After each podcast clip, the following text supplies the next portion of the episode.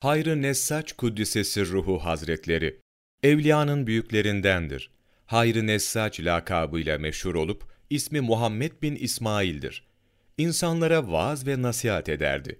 Allahu Teala'nın emir ve yasaklarını anlatırdı.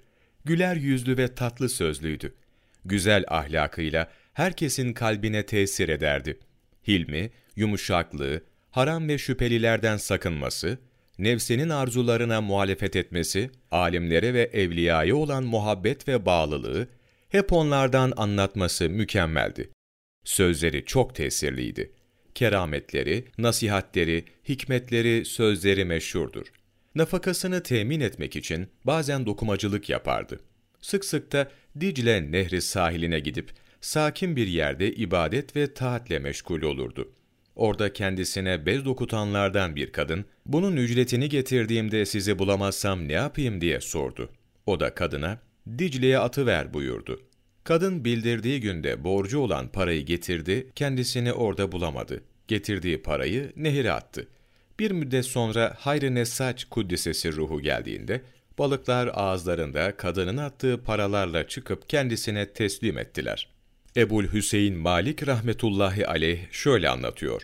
Hayr-ı Nessaç Kuddesesi ruhu vefat ettiği zaman yanındaydım.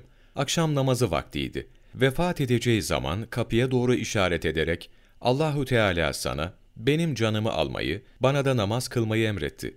Şu anda namaz vaktidir. Ben bana emrolunanı yapayım. Ondan sonra da sen sana emrolunanı yaparsın buyurdu.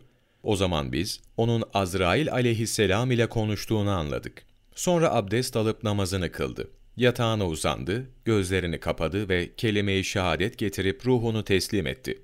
Vefatından sonra kendisini rüyada görüp Allahu Teala sana nasıl muamele eyledi diye sordular.